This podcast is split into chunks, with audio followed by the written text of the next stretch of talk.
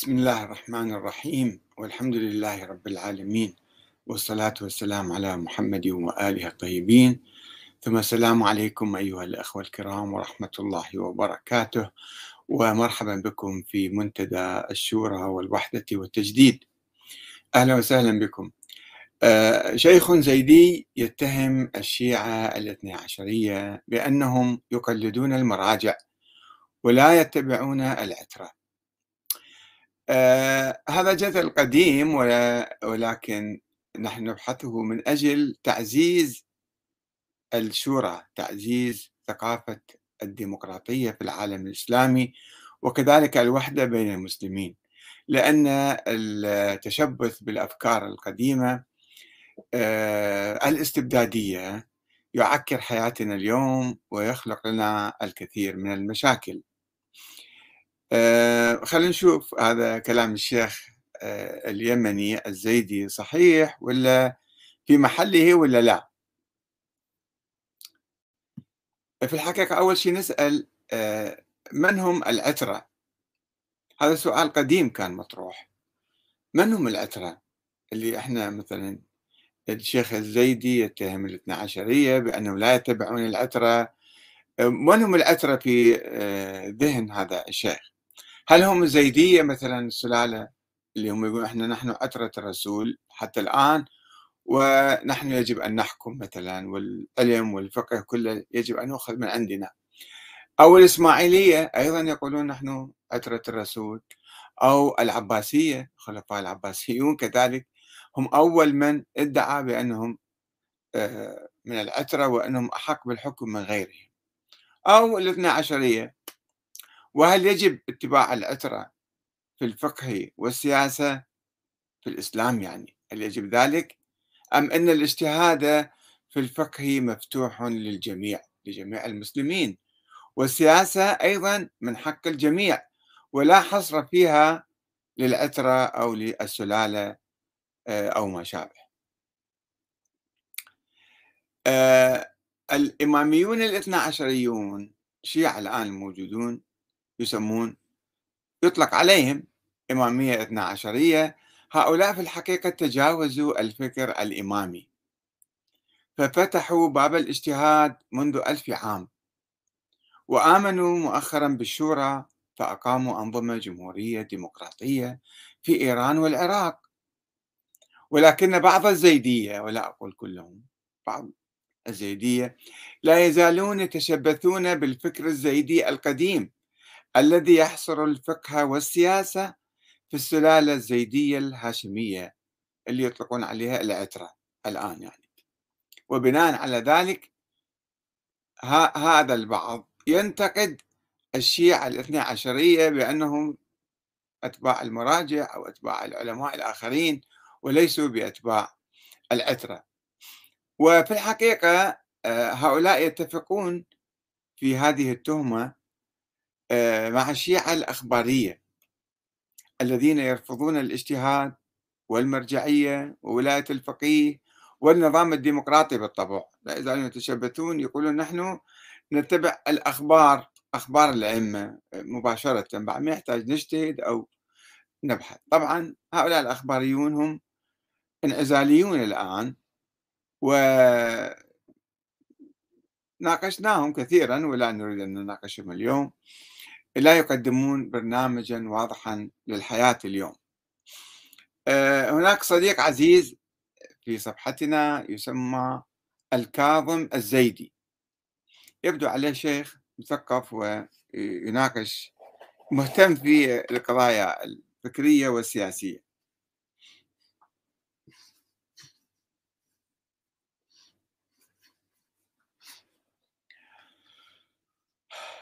الشيخ الكاظم الزيدي ينتقد الشيعة الاثنى عشرية على عدم اتباعهم العترة وتقليدهم للفقهاء فيقول الله يشهد أنني لم أشهد إلا بما لا يخالفني عليه إمامي ولا عاقل وهو أن الإمامية لا يتبعون العترة مباشرة وإنما يتبعون رجالا من الشيعة جعلوهم واسطة بينهم وبين العترة في نقل قول العترة الاثني عشر يعني وأشهد أن الإمامية الآن يعني بلا عترة من قرابة الرسول من قرابة 12 قرن 12 قرن صار لهم ما عندهم عترة لأن الإمام الحادي عشر حسن العسكري توفى من دون عقب وهم بقوا يعني حيارى ما عندهم أحد من العترة يتبعونه مثل ما زيدية يعني اللي السلالة مستمرة عندهم. وأن الإمامية لم تقبل قول الفرقة السنية عندما جعلت الفرقة السنية سلفهم أئمتهم يعني علماءهم هم الواسطة بينهم وبين النبي صلوات الله عليه وعلى آله. فالله أشهد أن الإمامية أتباع رجال من الشيعة في المقام الأول لا أتباع العترة رأسا. ما يتبعون العترة مباشرة لأنه يجتهدون يتبعون المجتهدين. وأن وصية النبي الظاهرة في الأمة من حديث الثقلين القطعية هي اتباع العترة لا رجال الشيعة. ليش أنتم تروحون تتبعون المراجع الآن؟ أو تنتخبون رؤساء من عندكم مثلا؟ فمن خالف وصية النبي صلوات الله عليه لم ولن يخرج من منطوقه لن تضلوا ما أنت مسكتم. يقول يعني أنتم راح تصيرون ضالين. ما تخرجوا من هذا الكذا. اللي ما يتبع الأثرة فهو ضال. فلينظر عاقل بقليل النظر أو كثيره قليل الكلام أو كثيره. بمن هو اليوم متمسك؟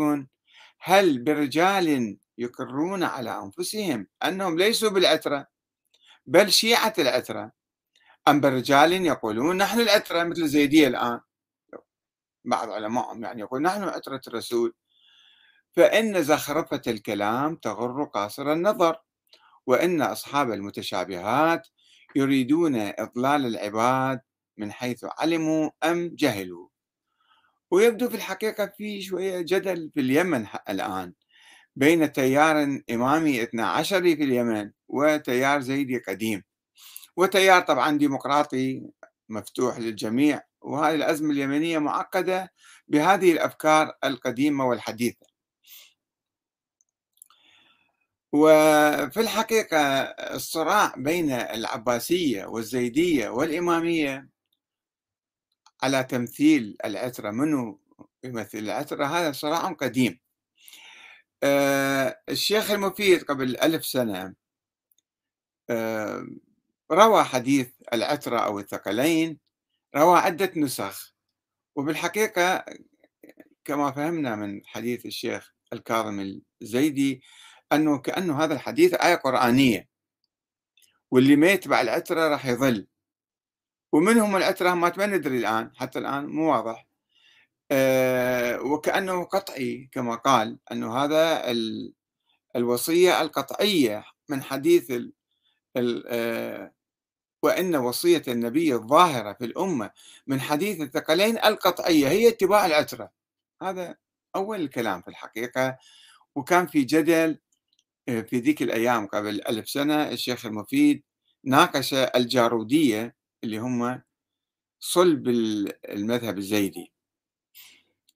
آه، ويروي النسخة الأصلية من حديث العثرة أو الثقلين والتي لا تتضمن لا الطاعة الفقهية ولا الطاعة السياسية إنما الوصية بالعترة على أي تأويل أو أن العترة يقول الشيخ المفيد آه، أخبرني آه، فلان عن فلان عن فلان ما أريد أطول عليكم. آه، عن عبد الله بن عباس. قال إن علي بن أبي طالب والعباس بن عبد المطلب والفضل بن العباس دخلوا على رسول الله صلى الله عليه وآله في مرضه الذي قبض فيه إلى أن يقول فخرج في ملحفة وعصابة حتى جلس على المنبر ثم قال ألا إني لاحق بربي. وقد تركت فيكم ما إن تمسكتم به لن تضلوا. كتاب الله تعالى بين أظهركم. تقرؤونه صباحا ومساء. فلا تنافسوا ولا تحاسدوا ولا تباغضوا وكونوا إخوانا كما أمركم الله.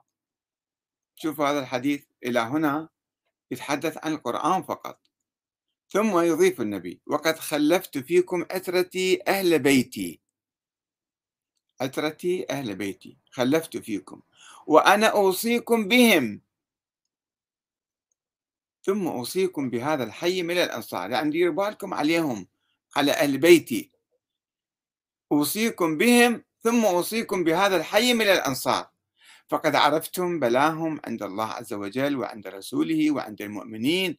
ألم يوسعوا في الديار ويشاطروا الثمار ويؤثروا وبهم الخصاصة؟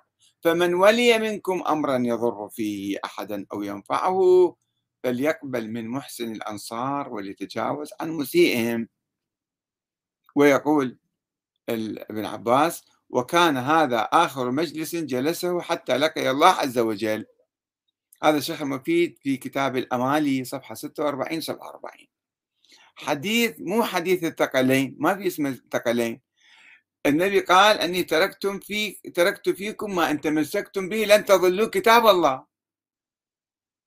مو أنه آه، الكتاب الله وثقل آخر وثقل واحد أعظم من الثاني. شلون الأثر أعظم من الكتاب يعني؟ ده يوصي بأهل بيتي ديروا بالكم عليهم فقط. حبوهم ديروا بالكم عليهم. لا تأذوهم مثلا. ماكو كلام أنه حديث الثقلين. بعدين تطور الحديث. وكما يلاحظ بأن هذه الوصية آخر وصية النبي أوصاها أو تكلم فيها لا تتضمن حديثا عن الإمامة والخلافة وإنما تتوجه إلى عامة المسلمين بالاهتمام بالأسرى وأهل بيت النبي والأنصار. ويبدو أن هذه الوصية تطورت إلى الرواية المشهورة إني تارك فيكم الثقلين كتاب الله وعترتي أو وعترتي أهل بيتي. بعدين تحورت هي هو خبر آحاد بسهولة يعني يتطور ويتغير. ولئن كانت هذه الرواية قد اشتهرت أو اشتهرت في القرن الثاني الهجري واعتمد عليها الهاشميون اللي هم العباسيون في بناء شرعيتهم السياسية الدينية لما صعد أبو العباس السفاح واعتمد على هذا الحديث في بناء الشرعية الدستورية الدينية يعني. إذا هذه الرواية اشتهرت فإنها لم تصبح متواترة وظلت كما هي خبر آحاد. لا يحتوي على معنى سياسي وإنما يقتصر على الحب والمودة. ونشوف الرواية المتطورة. هم ينقلها الشيخ المفيد. أول شيء ينقل الأصل النسخة الأصلية اللي ما فيها كلام عن الكتاب والعترة. لا الكتاب. اعملوا بالكتاب حتى لا تضلوا. والرواية المتطورة هم هم يجيبها الشيخ المفيد والرواية كما ينقلها الشيخ المفيد هكذا. عن معروف بن خربوط قال سمعت أبي أبا عبيد الله مولى العباس يحدث أبا جعفر الباقر يعني. قال سمعت أبا سعيد الخدري يقول إن آخر خطبة خطبنا بها رسول الله في مرضه الذي توفي فيه متوكئا على علي بن أبي طالب وميمونة مولاته فجلس على المنبر ثم قال أيها الناس إني تارك فيكم الثقلين صار. شوف الحديث شلون تطور. أول شيء قال إني تارك فيكم كتاب الله. ناس صار لا تارك فيكم الثقلين وسكت. النبي سكت أيضا. فقام رجل فقال ما هذان الثقلان أو ما يعرفهم حتى الآن. فغضب النبي حتى احمر وجهه ثم سكن. وقال ما ذكرتهما إلا وأنا أريد أن أخبركم بهما. ولكن ربوت ما أقدر أتكلم بعد فلم أستطع. سبب طرفه بيد الله وطرف بأيديكم تعملون فيه كذا وكذا. ألا وهو القرآن. تحدث عن القرآن. والثقل الأصغر أهل بيتي. ثم قال والله لا يحبهم عبد إلا أعطاه الله نورا يوم القيامة حتى يرد يرد عليه الحوض. ولا يبغضهم عبد إلا احتجب الله عنه يوم القيامة. فقال أبو جعفر الباقر يعني إن أبا عبيد الله يأتينا بما يعرف أو بما يعرف. المفيد في كتاب الأمالي صفحة 135 136 ومع ذلك فمن الواضح أن هذا الحديث الوصية لا يحدد من هم أهل البيت ولا يجعلهم أئمة للمسلمين إلى يوم القيامة مثل ما يفكرون الزيدية الآن. ولا يحتم أخذ العلم منهم. بس يقول حبوهم. شايفين شلون الأحاديث تتطور؟ هي أخبار آحاد ومن واحد لواحد وبعد 100 سنة 200 سنة 300 سنة الحديث يتشقلب ويتطور.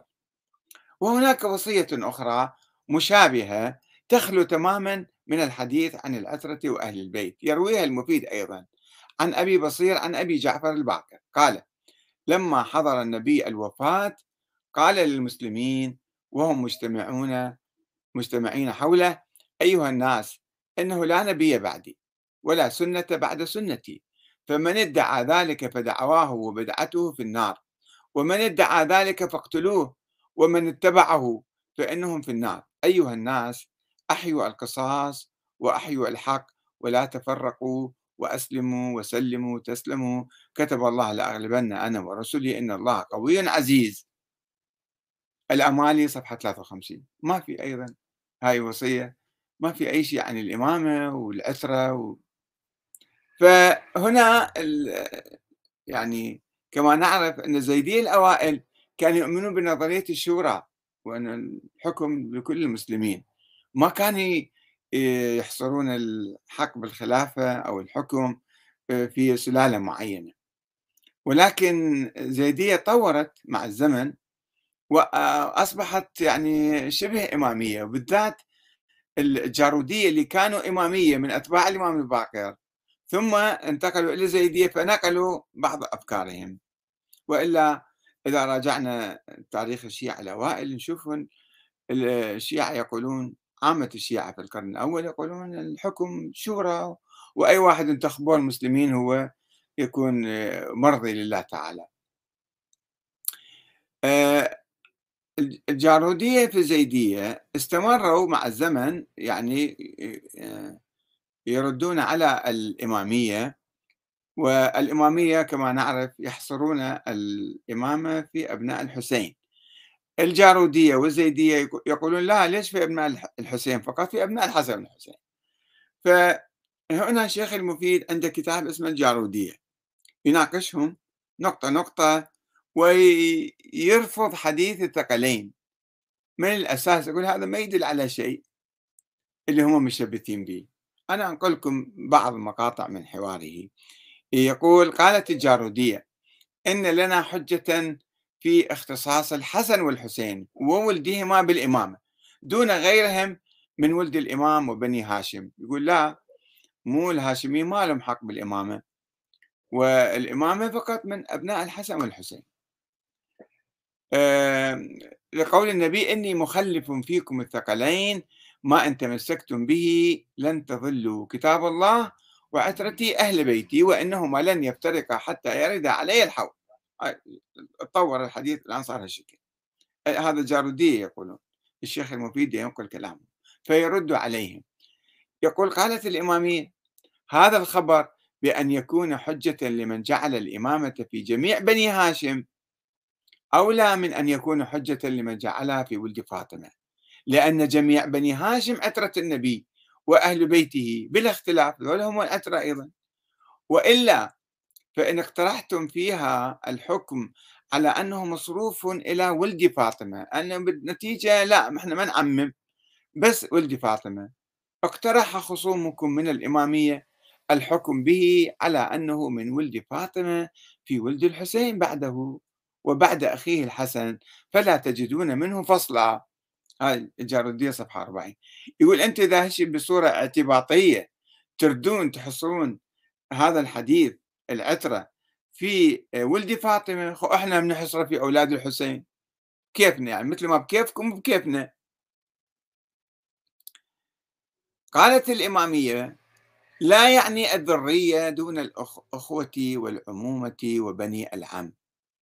ولو كان الأمر على ما ذكرتموه خرج أمير المؤمنين من العترة وهو سيد الأئمة. إذا قلت بس الذرية الإمام علي راح يخرج وهو سيد الأئمة وأفضلها لخروجه من جملة الذرية. وهذا باطل بالاتفاق.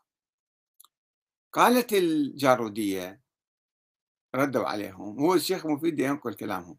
يقول فهذا يلزم الإمامية فيجب أن يكون العباس وولده وعبد شمس وولده داخلين في جملة العترة على تفسيركم يعني التي خلفها النبي في أمته.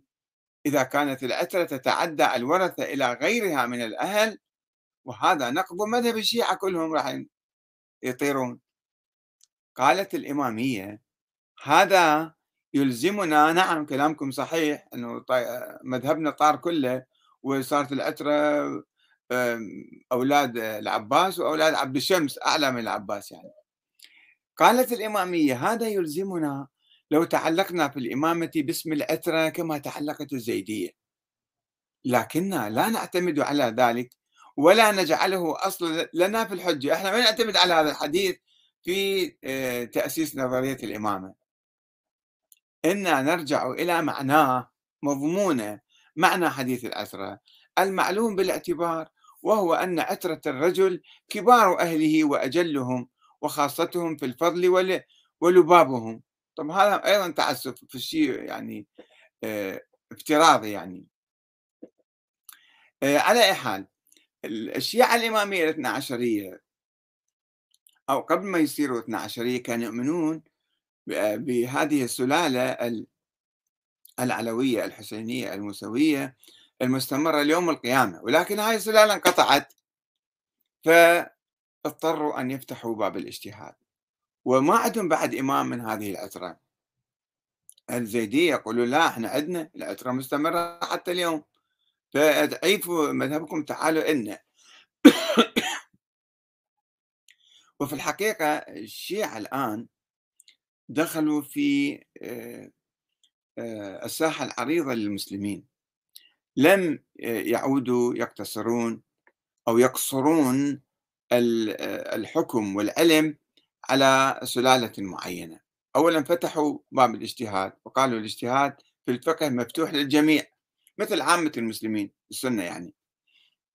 وأن السياسة أيضا من حق الجميع ولا حصر فيها للأتراف فهم يشوفون يؤمنون بالنظام الديمقراطي ويؤمنون بالاجتهاد كما يؤمن بقية المسلمين. والزيدية أيضا أنا كما أعرف أن أنهم أيضا يدعون إلى هذا المشروع الديمقراطي في اليمن اللي آه، يساوي بين جميع المواطنين. ولكن بعض الزيدية لا يزالون يتشبثون بنظريتهم القديمة الجارودية التي تحصر الحق في الحكم في هذه السلالة والعلم في هذه السلالة أيضا. وهذا شيء عجيب غريب يعني.